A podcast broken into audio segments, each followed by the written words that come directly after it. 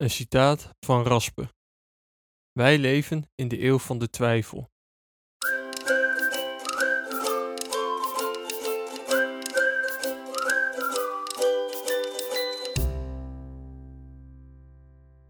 Welkom. Leuk dat je luistert naar deze negentiende aflevering van de Wereld en Literatuur. Een podcast over wereldliteratuur. En in deze aflevering ga ik het over een iets andere boeg gooien dan normaal. Vaak hebben we veel tragedie in de wereldliteratuur. Dat hebben we tot nu toe ook wel vaak gezien. Ik heb nu al 18 afleveringen gemaakt en toch, ja, ik denk gok of 10 of zo daarvan gaan we over een tragisch geval. Maar er is ook wel veel humor in de wereldliteratuur.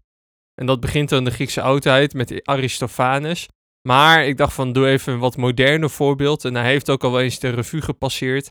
Maar we gaan het deze aflevering hebben over Baron van Münchhausen.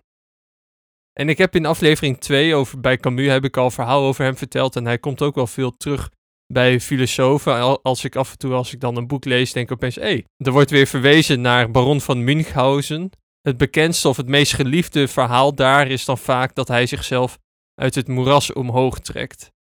Maar er zijn ook wel andere verwijzingen naar Münchhausen. Zo hebben we bijvoorbeeld in de medische wereld een medische aandoening die het syndroom van Münchhausen heet.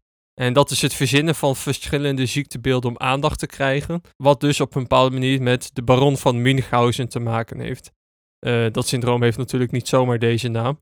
Waarom dat precies zo is, daar komen we zo meteen nog op. En ik dacht zelf toen ik het boek bij het antiquariaat zag liggen, ik was twee weken geleden, was ik daar weer. En toen zag ik dit boek liggen en toen dacht ik, ja, dit moet ik gaan bespreken. Want ik vind het zelf, uh, heb ik een bepaalde fascinatie voor die verhalen. En het leek me leuk om ook een keer uh, nou, zulke soort verhalen te bespreken. Welke editie lezen we dan? We lezen De wonderbaarlijke avonturen van Baron van Münchhausen, geschreven door Rudolf Erich Raspe, uh, vertaald door Godfried Bomans, uitgegeven bij Krusemans Uitgevermaatschappij te Den Haag in 1967. En er zijn ook niet heel veel vertalingen van dit werk. Uh, ja, zo wijd vertaald is het dan ook weer niet, vergeleken met bijvoorbeeld uh, andere werken die ik besproken heb. Maar de vertaling is hier van Bomans. En Bomans heb ik ook al besproken in de Dickens Care Special. Dus als je daar iets meer van wil horen, ga, luister dan vooral die aflevering. Het werk zelf, uh, ze hebben ook bij die vertaling een paar illustraties toegevoegd van Gustave Doré. En dat is een Fransman, die was graveur en illustrator. En die heeft uh, toen de tijd bij een Franse vertaling van dit werk een tal van illustraties gemaakt in het voorblad van het werk staat het heel mooi dat, dat, de, dat de uitgave verlucht is met illustraties van Gustave Doré. Uh, dus dat is uh, mooi taalgebruik. Het is toch altijd leuk wat uh, oudere vertaling te lezen. Maar ehm, dit werk is verfilmd meermaals. verfilmd onder andere in 1943. Ik heb even op YouTube gekeken. Dat is, nou ja, ziet er... ja, hoe ziet het eruit? Ja, precies wat je verwacht bij 1943. Maar het was toen de tijd een ontzettend dure film, een Duitse film zelfs. Um, in opdracht van Jozef Goebbels gemaakt tijdens de Tweede Wereldoorlog in de nasleep van de slag om Stalingrad. Om toch uh, de Duitsers wat afleiding te bieden. Wat op, op zich best opmerkelijk is, want het is niet echt een propagandafilm. Um, dus het is een hele merkwaardige verfilming eigenlijk. Uh, zeker de moe moeite waard om een keer op te zoeken. Maar misschien nog een belangrijke vraag is hier: behoort uh, dit verhaal, die wonderbaarlijke avonturen van Baron van Münchhausen, behoren die tot de wereldliteratuur? En vaak is die vraag wel redelijk eenvoudig te beantwoorden. En dan zeg ik vaak ja, ja, uh, het raakt aan het algemeen menselijke. Maar bij de vader van Van Münchhausen is dat misschien iets lastiger. Um, want in wezen is het werk een soort van bundeling van volksverhalen. En ik kan me herinneren, vorig jaar luisterde ik de podcast Lage Lieder. Een eh, best wel een vreemde podcast, wel grappig om uh, naar te luisteren. Maar daar gaat het ook over allemaal volksverhalen, hoe die komen en gaan, hoe die ontstaan, uh, hoe vaak ze ook onzinnig zijn. Maar daarin wordt al wel heel snel duidelijk dat de mens een verhaalvertellend wezen is. Dat wat ons verbindt eigenlijk met de mensen uit het verleden is dat de verhalen blijven vertellen. En heel vaak zijn dit vrij ongeloofwaardige volksverhalen. En toch willen die verhalen iets zeggen over het algemeen menselijke. Uh, en dat komt bij Bron van Münchhausen ook heel duidelijk naar voren. Maar hoe hij dat precies doet, uh, dat moeten we in deze aflevering zien te beantwoorden. Om toch een beetje te verantwoorden waarom we deze verhalen in de podcast over wereldliteratuur behandelen.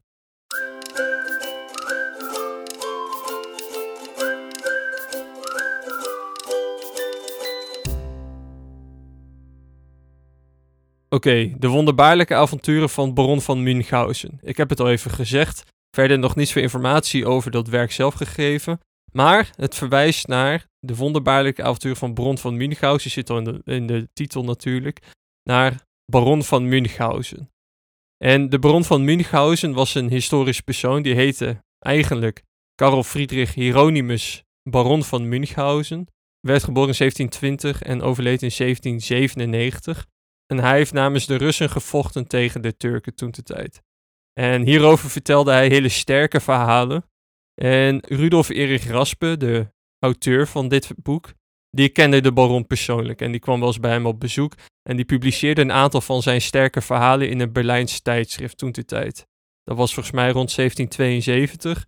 En een paar jaar later, in 75, 1775, dus dat is ongeveer in dezelfde periode als Voltaire's Candide, die ik vorige aflevering heb besproken, publiceerde hij in het Engels, terwijl hij in Duits was, maar hij leefde inmiddels in Engeland, publiceerde hij Baron Munchausen's Narrative of His Marvelous Travels and Campaigns in Russia.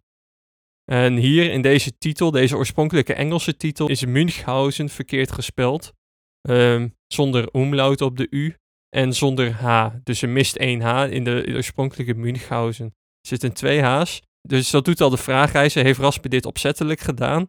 Is de baron van Münchhausen bij Raspe uh, toch niet helemaal degene die samenvalt met de historische persoon?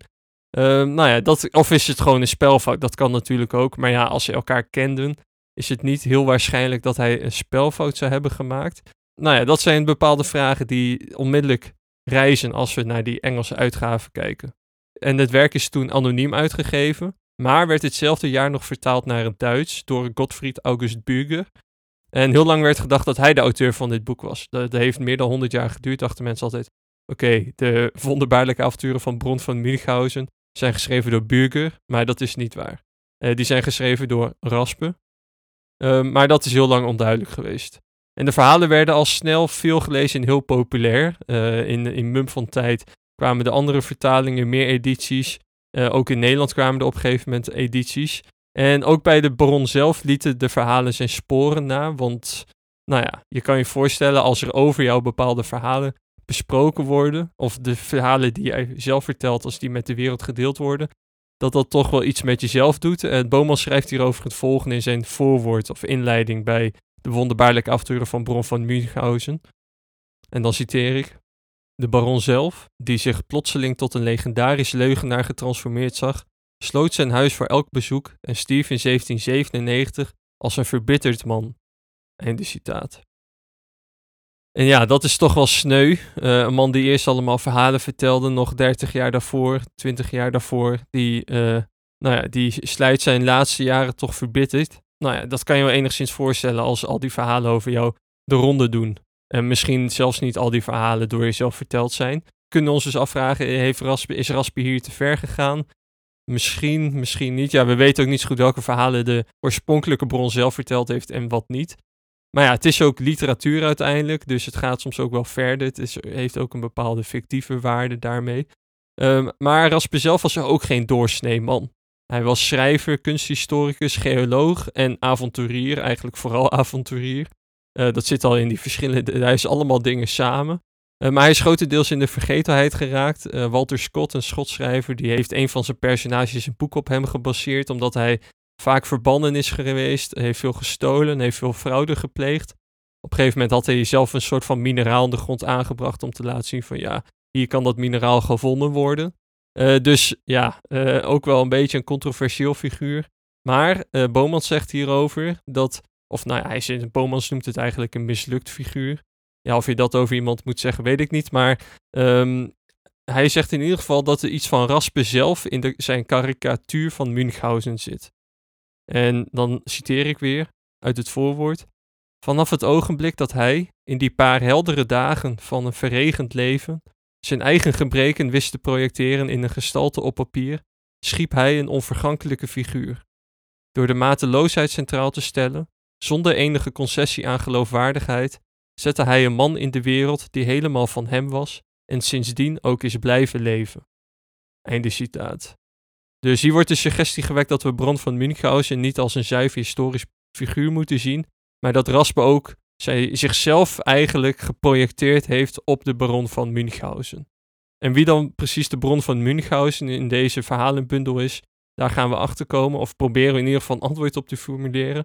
Maar wat duidelijker is, is dat de mateloosheid centraal staat en dat er geen enkele concessie aan geloofwaardigheid wordt gedaan in dit werk. En hoe dat precies in zijn gang gaat, dat gaan we in de samenvatting zien. Maar, uh, ik wil daar bijna doorgaan naar de samenvatting, maar ik wil eigenlijk nog heel kort iets zeggen over het genre van dit werk. Want uh, het, behoort tot de leugenliteratuur. Um, het is een werk van ongeveer 170 pagina's, maar er zitten heel veel tekeningen bij, dus het is, uh, qua tekst is het een stuk minder. Maar het behoort tot de leugenliteratuur en dat zijn vaak overdreven, ongeloofwaardige verhalen. Vaak ook kort van aard. Je kan bijvoorbeeld denken aan het liedje van uh, Ik zag twee beren broodjes smeren. Waarin, nou ja, je ziet dus twee beren zitten een broodje te smeren. Dat kun je al afvragen van ja, um, kan dat eigenlijk wel? En dat heb je dus ook de hele tijd bij die verhalen van, van Münchhausen. Dat je de hele tijd denkt van ja, tja, kan dit eigenlijk wel? Um, en het werk van Raspe, de wonderbaarlijke avonturen van Baron van Münchhausen, is eigenlijk een verzameling van zulke verhalen. En nu gaan we dus wel naar de samenvatting om te zien wat voor verhalen dat precies zijn.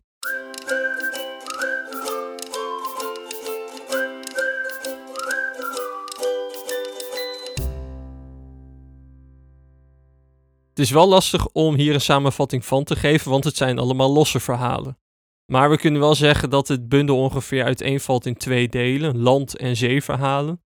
Die zeeverhalen gaan, zoals te zeggen, gaan vooral over avonturen op zee, die de baron heeft meegemaakt. En de landverhalen gaan vooral over oorlogsvoering en jachtpartijen. En ik dacht, we kan het allemaal gaan samenvatten, de leukste verhalen eruit pakken. Maar ik dacht, laat ik gewoon één verhaal voorlezen. Dat is een vrij lang verhaal, maar het geeft een hele goede indruk van de manier van schrijven en de ongeloofwaardigheid daarvan. Dus ik dacht gewoon van, laat ik dit verhaal voorlezen om je een indruk te geven. En daarna vertel ik nog een paar andere, uh, wat bekendere verhalen. Maar hiermee krijgen we dus een indruk van de verhalen van Raspe over de bron van Münchhausen. En dan citeer ik, het is ongeveer een A4'tje, dus het is wat langer. Op zekere avond miste ik een bij en ontdekte twee beren die zich op het dier geworpen hadden om het van zijn honing te beroven. Ze stonden al op het punt het in stukken te scheuren en ik had geen enkel wapen bij me dan alleen een zilveren bel, dat het kenteken is van ieder die in de tuinen van de sultan werkzaam is. Daar werkte baron van Münchhausen toen de tijd. Met de bedoeling de beesten te verschrikken en zo de bij te verlossen, gooide ik mijn bijl met kracht vooruit, maar door een onverhoedse beweging van mijn armen vloog hij recht omhoog, steeds hoger en hoger, tot hij op de maan belandde. Hoe kon ik het ding weer naar beneden krijgen? Toen schoot het mij te binnen dat Turkse bonen razendsnel groeien en tot een verbazende hoogte opschieten. Terstond stopte ik er een in de grond en kijk, hij schoot meteen de grond uit en wikkelde zich om een van de maanhorens. Ik hoefde nu alleen maar omhoog te klauteren en kwam daar inderdaad behouden aan. Meer moeite kostte het mij om mijn zilveren bel daar terug te vinden, want alles schitterde van zilver, maar uiteindelijk trof ik hem toch op een hoop stro. Nu was het tijd om terug te keren, maar helaas, door de zonnehitte was mijn bonenstaak verdroogd en kon mij niet meer dragen. Zo goed en zo kwaad als het ging, draaide ik een touw uit het dorre stro sloeg het om een der maanhorens en liet mij zakken. Met de linkerhand hield ik mij vast, terwijl ik met mijn andere hand de bel omklemde om telkens, als er onder mijn voeten geen touw meer over was, het nutteloze stuk boven mijn hoofd door te kappen en onder weer vast te knopen. Zo zakte ik gestadig dieper en alles zou goed gegaan zijn, als het touw niet gaandeweg door telkens opnieuw breken en vastknopen, steeds slechter en slechter geworden was. Ik hing nog minstens een paar mijl boven de aarde en midden in een wolk, toen het touw brak en ik met zo'n geweld naar beneden donderde dat ik als verdoofd bleef liggen. Geen wonder, want ik had een kel van wel negen meter in de grond geslagen.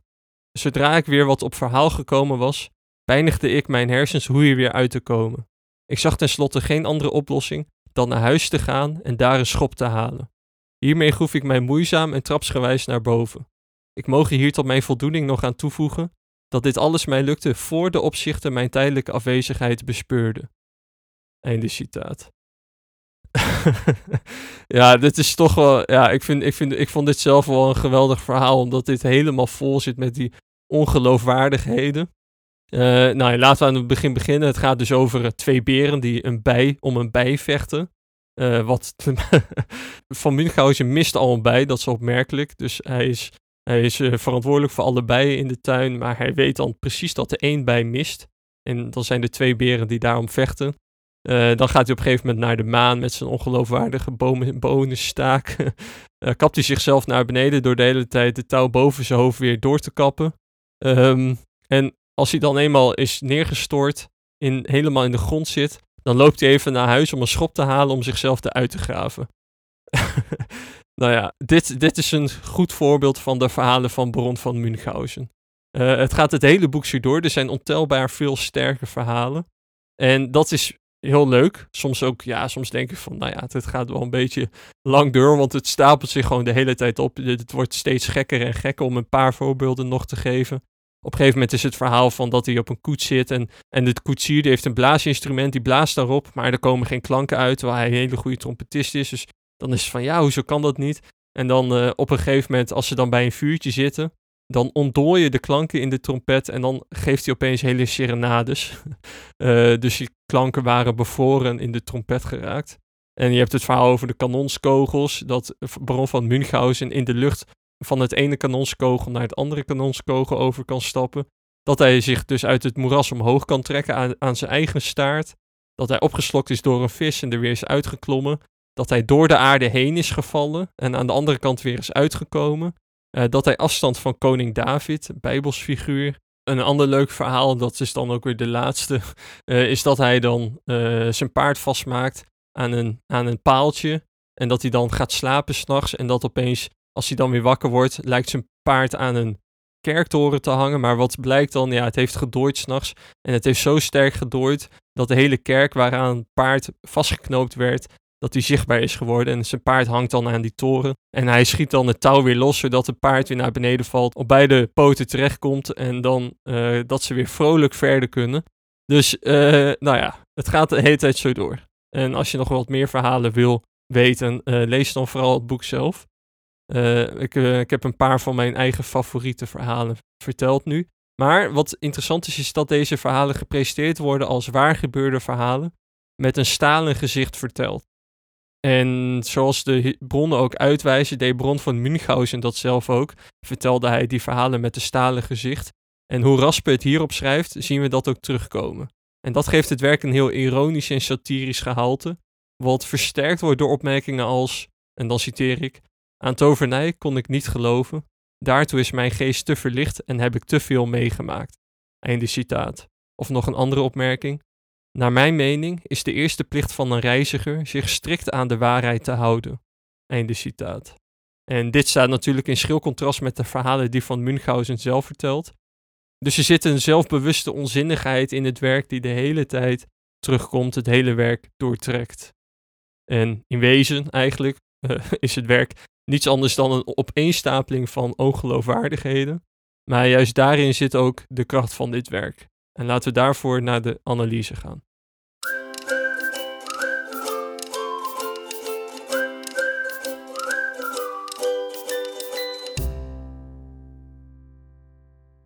Oké, wat moeten we precies van deze vrij onzinnige verhalen maken?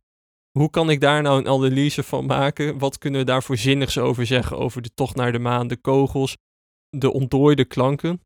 Um, ja, dat, soms had ik dat gevoel ook toen ik aan het lezen was. Maar ik denk wel dat we hier wat, wat degelijk over kunnen zeggen. En laten we hiervoor beginnen met het bekendste voorbeeld. Het voorbeeld wat door allerlei filosofen en andere schrijvers en denkers wordt aangehaald. Het idee dat baron van Münchhausen zichzelf aan zijn eigen haar omhoog trekt uit het moeras. En dat citeer ik dan even, hoe dat dan precies omschreven wordt. Zonder enige twijfel zou ik bij die gelegenheid reddeloos te gronden zijn gegaan als ik mezelf niet met alle kracht, die in me was, aan mijn eigen pruikstaartje omhoog getrokken had. Einde citaat. Nou ja, weer zo natuurlijk zo ontzettend ongeloofwaardig, maar goed. Uh, laten we kijken wat, hiermee, wat we hiervan kunnen maken. Van Münchhausen heeft hier eigenlijk geen vaste grond meer onder zijn voeten. Hij zit in de moeras, zijn paard is erin weggezakt. En ja, die, die vaste grond is verdwenen. En terwijl ik dit aan het lezen was, dacht ik heel erg aan het God is dood fragment bij Nietzsche dat we vinden in de Vrolijke Wetenschap. Ik gebruik hier de vertaling van PH Winkels, uitgegeven bij de Arbeiderspers in Amsterdam in 1976. Maar hier gaat het ook over dit verliezen van houvast. En ik citeer een klein stukje eruit, een van mijn favoriete stukken. Wat hebben we gedaan toen wij de aarde van haar zon loskoppelden? In welke richting beweegt zij zich nu? In welke richting bewegen wij ons? Weg van alle zonnen? Vallen wij niet aan één stuk door en wel achterwaarts, zijwaarts, voorwaarts, naar alle kanten? Is er nog wel boven en beneden? Dolen wij niet als door een oneindig niets? Einde citaat. En dit zegt de dolle mens nadat hij heeft gezegd die bekende uitspraak God is dood. En de toevoeging daarbij misschien, en wij hebben het gedaan. Um, maar dus we hebben daarbij een, onze houvast verloren. Er is geen horizon meer, geen richting meer. We vallen aan één stuk door. Er is wel achterwaarts, zijwaarts, voorwaarts, naar alle kanten. En met dit doodverklaren van God zijn we dan dus de houvast verloren. Er is geen oriëntatiepunt meer. En bij Münchhausen zien we dat ook. Hij is in dat moeras. Hij heeft eigenlijk alle vaste grond verloren. Er is geen vaste grond onder zijn voeten meer. En het enige wat hij nog kan doen is zichzelf redden. Maar is dat wel mogelijk? Kunnen we onszelf uit het moeras omhoog trekken? Kunnen we ons bij onze staart pakken en met alle kracht die in ons zit, ons omhoog trekken, zodat we uiteindelijk weer uh, het moeras verlaten en vaste grond onder onze voeten vinden? En in wezen is dit ook de vraag die Camus probeert te beantwoorden, zie je voor aflevering 2, waarin er toch een poging wordt gedaan om om te gaan met een leven waarin die vastigheid ontbreekt. Maar om deze vraag te beantwoorden kunnen we misschien eerst nog een wat andere, misschien zelfs nog fundamentelere vraag stellen, namelijk wat is dan precies dat moeras? Wat zorgt ervoor dat dat moeras daar, van, bij Van Münchhausen in ieder geval, en dan heb ik het niet per se over het God is doodfragment bij Nietzsche, maar vooral bij het moeras van Münchhausen. Wat zorgt ervoor dat daar een moeras is? Dat de vaste grond daar ontbreekt? Hij heeft geen vaste bodem en waar komt dat door? En ik denk, en dat zit de hele tijd doorheen het verhaal, dat doortrekt eigenlijk de wonderbaarlijke avonturen van Bron van Münchhausen, dat het onderscheid tussen feit en fictie volledig verdwijnt. Voor hem is niks te gek. Münchhausen vertelt allemaal absurde verhalen en hij leeft in een zelfgecreëerde wereld. Een wereld waarin hij dan wel anderen deelgenoot zijn. Hij vertelt al die verhalen aan allemaal mensen, zolang ze het maar aan willen horen. En hij gaat maar door. Dus die verhalen blijven zich maar opstapelen. En elke keer als, ze, als zijn toehoorders dan weer een keer moeten lachen, is dat weer een aanmoediging natuurlijk om door te gaan. Maar het is ook gevaarlijk om juist in die zelfgecreëerde wereld te gaan leven. Want er is geen mogelijkheid tot tegenspraak meer. Want we kunnen Münchhausen niet tegenspreken. alleen wanneer we het onderscheid tussen feit en fictie onderkennen, dat er überhaupt zoiets als dat onderscheid bestaat, kunnen we van tegenspreken spreken. Want anders hebben we gewoon van ja, uh, jij vindt dit en jij vindt dat. Dan verwoordt alles tot dat is jouw mening, mij is een andere mening toegedaan. Uh, dit is jouw verhaal, maar ja, dit is mijn verhaal. En dan ga je misschien in plaats van op Baron van Münchhausen reageert, ga je tegen hem opboksen en toch nog sterkere verhalen vertellen. En bij Münchhausen lijkt dat onderscheid dus volledig te vervagen, volledig te versmelten. Lijkt hij zelf geen onderscheid meer tussen feit en fictie te kunnen maken. We kunnen ons natuurlijk afvragen van ja, maar ja, kunnen we dan wel dit onderscheid maken? Is het mogelijk om überhaupt van feiten te spreken, van fictie te spreken? Zijn niet alle feiten fictie? Bestaat er zoiets als een feit? En daar slaat het openingscitaat een beetje op. Ik opende deze aflevering met wij leven in de eeuw van de twijfel en we lijken eigenlijk iedere vorm van onderscheid weg te willen doen. Dat we het niet meer hebben over onderscheid tussen feiten en ficties, want in wezen ja, wat zijn feiten dan precies? Zijn dat niet net zo goed ficties die we tot feiten gepromoveerd hebben?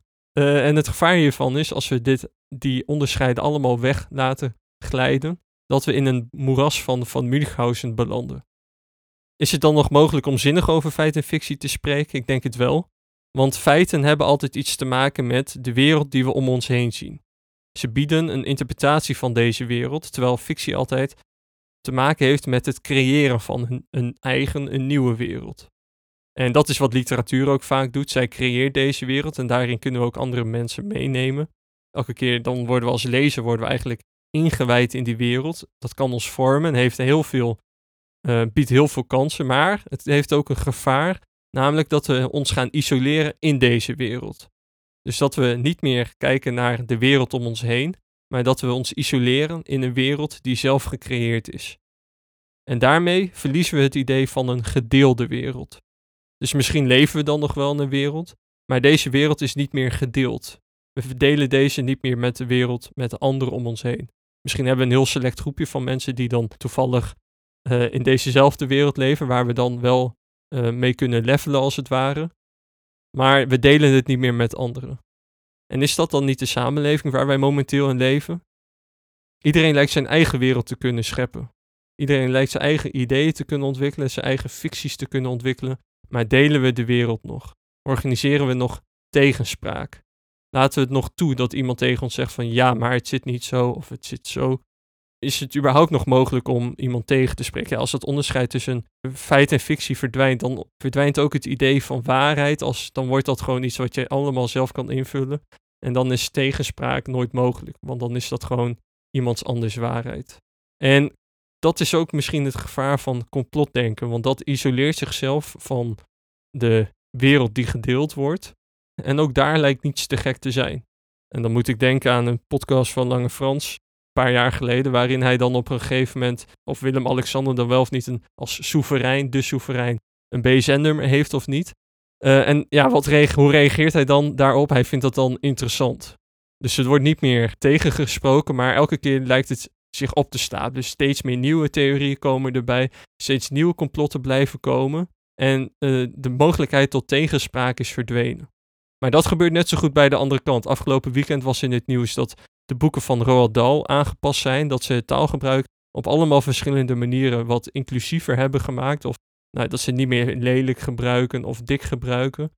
Of dat ze bij heks bij dragen van de pruik ook hebben toegevoegd uh, dat er ook andere, andere redenen zijn om een pruik te dragen.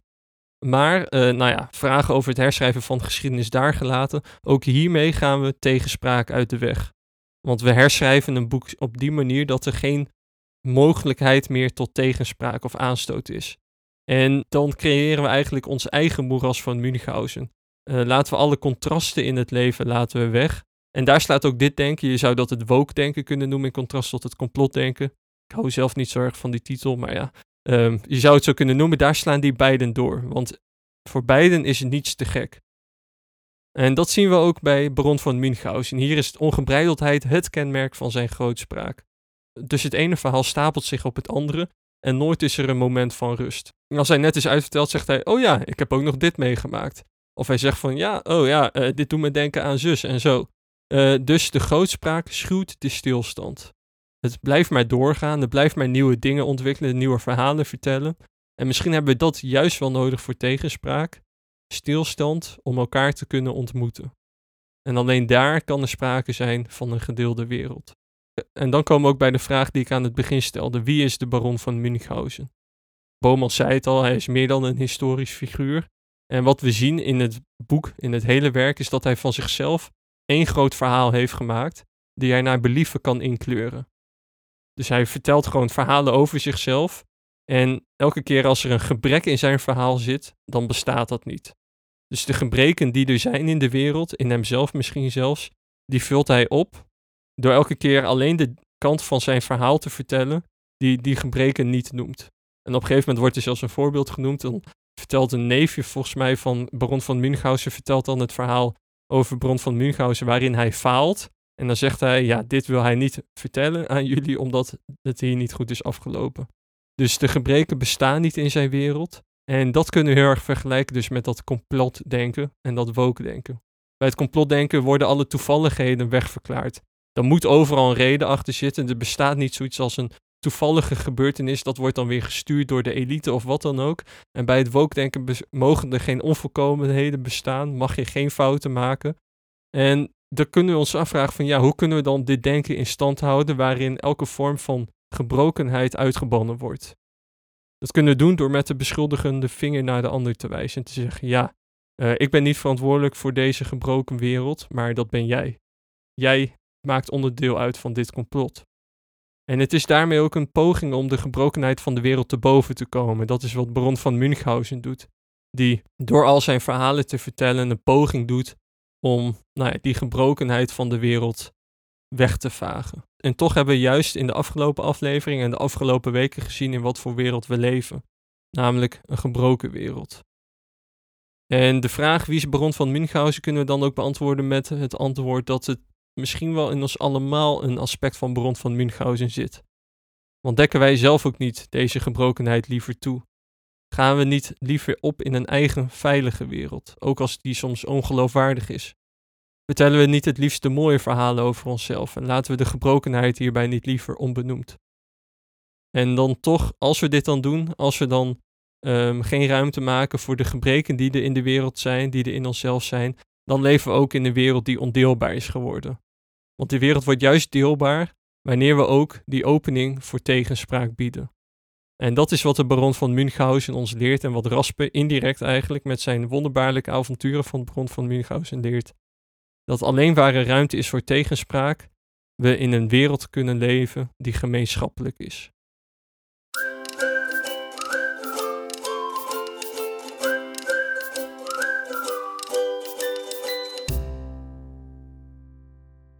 Nou dan heb ik vrij weinig over de humor van Bron van Münchhausen verteld. Uh, over het satirische gehalte van het werk.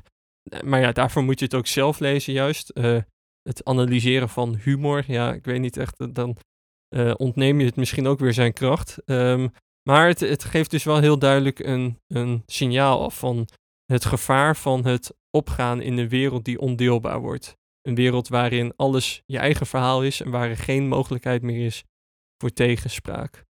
Dus daarmee wil ik ook deze aflevering afsluiten met de volgende vraag en jullie deze meegeven om over na te denken de komende weken. Durf jij de wereld met anderen te delen? Dat was het voor deze aflevering. Bedankt voor het luisteren. Ik hoop dat je het een leuke aflevering vond. Een keer wat anders dan normaal. Um, maar desalniettemin best wel uh, leuk. Ik vond het in ieder geval leuk om te lezen. Um, mocht je nog vragen hebben, stuur me een bericht via Instagram of e-mail. Een wereld aan literatuur of een wereld aan literatuur.gmail.com. Um, word vriend van de show vooral voor 3 euro per maand. Daar help je mij mee. Deel deze aflevering vooral met vrienden en familieleden. En uh, als je dat nog niet gedaan hebt, laat een beoordeling achter in je favoriete podcast-app. Dan help je mij weer om nieuwe luisteraars te bereiken. Hartelijk dank voor het luisteren en tot de volgende aflevering.